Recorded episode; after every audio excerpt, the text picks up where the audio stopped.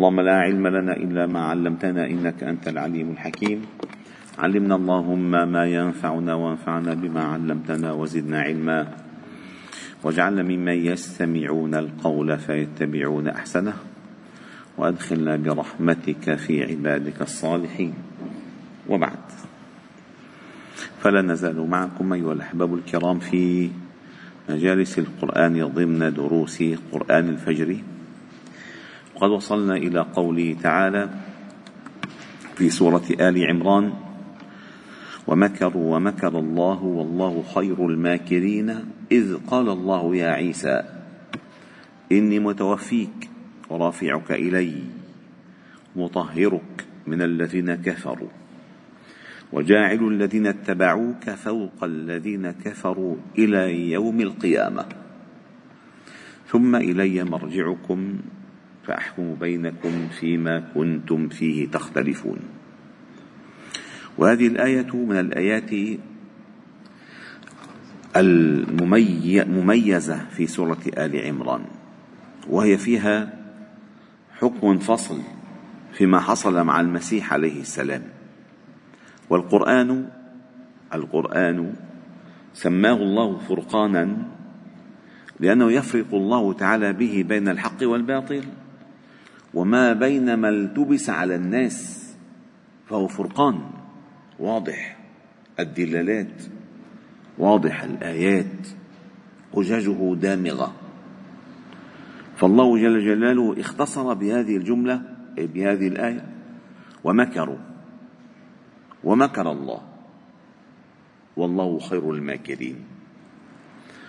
وذكرنا لكم قصة مكر اليهود بالمسيح عليه السلام إذ أنه مذ أن خلقه الله تعالى من مريم وكادوا له كيدا فكادوا لأمه بهتانا وكادوا له تكذيبا.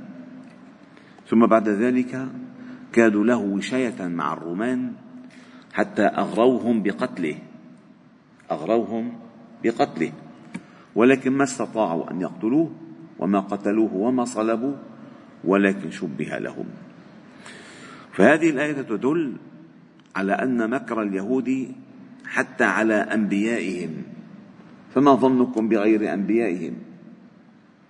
إن حتى على بني إسرائيل أنفسهم من الأنبياء مع كل ما جاءهم من عند الله تعالى من الآيات والمعجزات البينات ومع ذلك تكذيبهم كان كبيرا. للأنبياء وقتلهم الأنبياء بغير حق وقولهم قلوبنا غلف. ثم الله جل جلاله قال إذ قال الله يا عيسى هذا خطاب من الله مباشر لعيسى. لأن تذكروا الآيات التي قبلها. كانت الملائكة تنادي إذ قالت الملائكة يا مريم فنادته الملائكة وهو قائم يصلي في المحراب. الآن أتى النداء مباشرة إذ قال الله يا عيسى. وهنا لم يأتي ذكر آه، ابن مريم. إن أغلب الآيات التي ذكر فيها عيسى كان مقرونا بابن مريم. هنا لم يأتي ابن مريم. إنما قال إذ قال الله يا عيسى إني متوفيك ورافعك إلي. الوفاة في أصل اللغة هي الانتقال من حال إلى حال من حال إلى حال. الله يتوفى الأنفس حين موتها والتي لم تمت في منامها فالموت وفاة والنوم وفاة. الموت وفاة لأنه انتقال من حال الحياة إلى حال الموت. والنوم وفاة لأنه انتقال من حال اليقظة إلى حال النوم. هذه وفاة. وهذه الوفاة التي حصلت للمسيح عليه السلام ذكر العلماء فيها أقوالا كثيرة ولكن الأقرب للسياق القرآني وللأحاديث النبوية التي تذكر هذا الموضوع أن الله جل جلاله هنا ذكر الوفاة بمعنى الانتقال. أي إني متوفيك أي ناقلك رفعا إلي.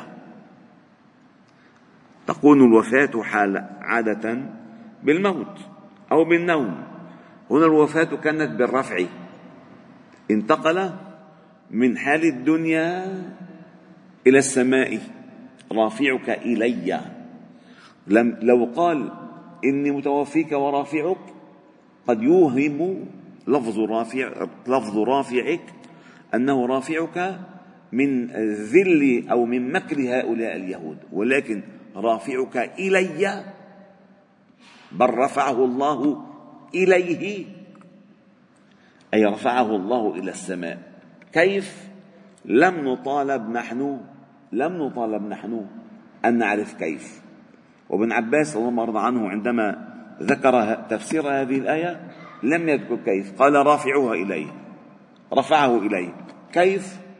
ما مطالب أن أن تعرف كيف مطالب أن تؤمن بما جاء من عند الله.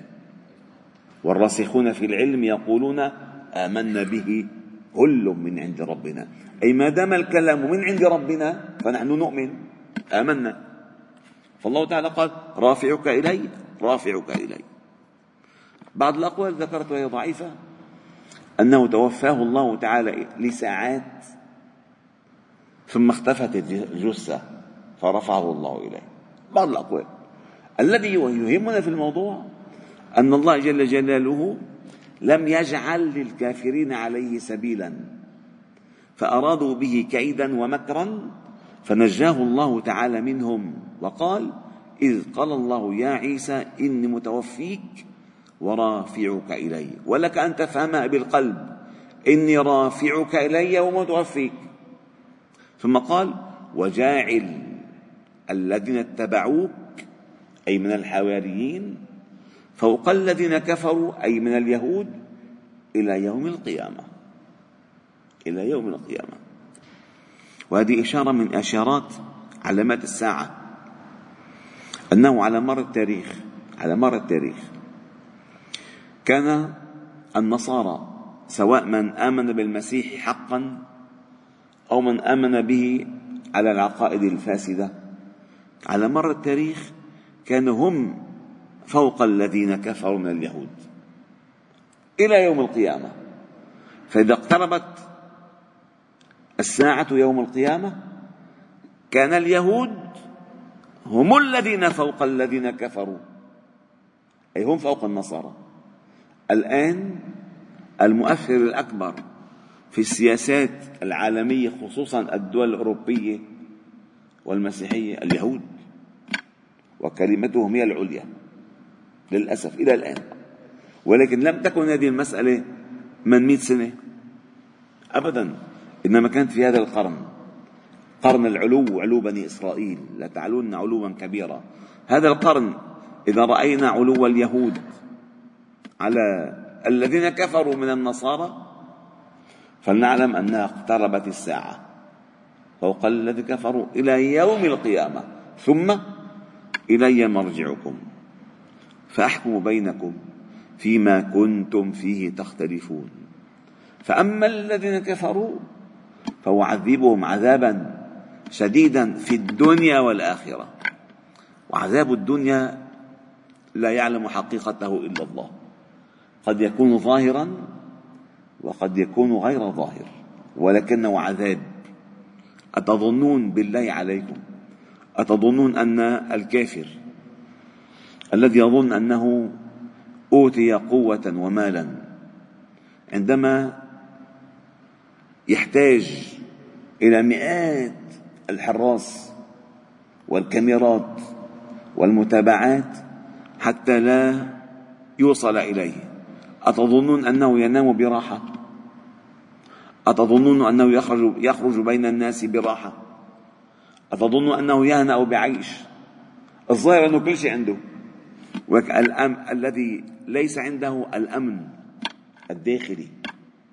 والاطمئنان اطمئنان النفس مفقود. وهذا عذاب والله العظيم هذا عذاب. هذا عذاب. قال في الدنيا والآخرة. وما لهم من ناصرين أي لن يصلوا إلى ما يرنون إليه. لن يصلوا إلى أن يحكموا العالم. فلن تكون الدولة لهم. إنما تكون الجولة لهم. وفرق كبير بين أن تكون الدولة لهم أو أن تكون الجولة لهم. الآن الجولة لهم ولكن الدولة ليست لهم. أي المصير سيأتي, سيأتي حتما. لن تقوم الساعة حتى يقاتل المسلمون اليهود. فينادي الشجر والحجر يا مسلم يا عبد الله هذا يهودي ورائي تعالى فاقتل. ليوشكن, ليوشكن أن ينزل فيكم المسيح عيسى عليه السلام حكما قسطا. فيضع الجزية ويكسر الصليب ويقتل الخنزير ويقتل الدجال رأس اليهود. إذا فأما الذين كفروا فأعذبهم عذابا شديدا في الدنيا والآخرة وما لهم من ناصرين. وأما الذين آمنوا وعملوا الصالحات فيوفيهم أجورهم. والله لا يحب الظالمين. ذلك أي مما سبق. من ذكر قصة امرأة عمران. إلى الآن ذلك نتلوه عليك من الآيات والذكر الحكيم. أي هذه آيات بينات ذكرها الله تعالى لنا في ذكره الحكيم أي في كتابه الذي لا يأتيه الباطل من بين يديه ولا من خلفه تنزيل من حكيم حميد. إنا نحن نزلنا الذكر وإنا له لحافظون. أي في هذا الذكر يمكن أن تنتفي الغفلة. في هذا الذكر يمكن أن ينتفي الجهل. في هذا الذكر تنتفي الظلمة والشبهة. هذا الذكر. وما سواه كله شبه وكله تلبيس على الناس. فالله تعالى نسأل أن ينفعنا بما أنزل من الآيات والذكر الحكيم. والحمد لله رب العالمين. سبحانه وبحمدك. نشهد أن لا إله إلا أنت. نستغفرك ونتوب إليك وصلي وسلم وبارك على محمد وعلى آله وأصحابه أجمعين.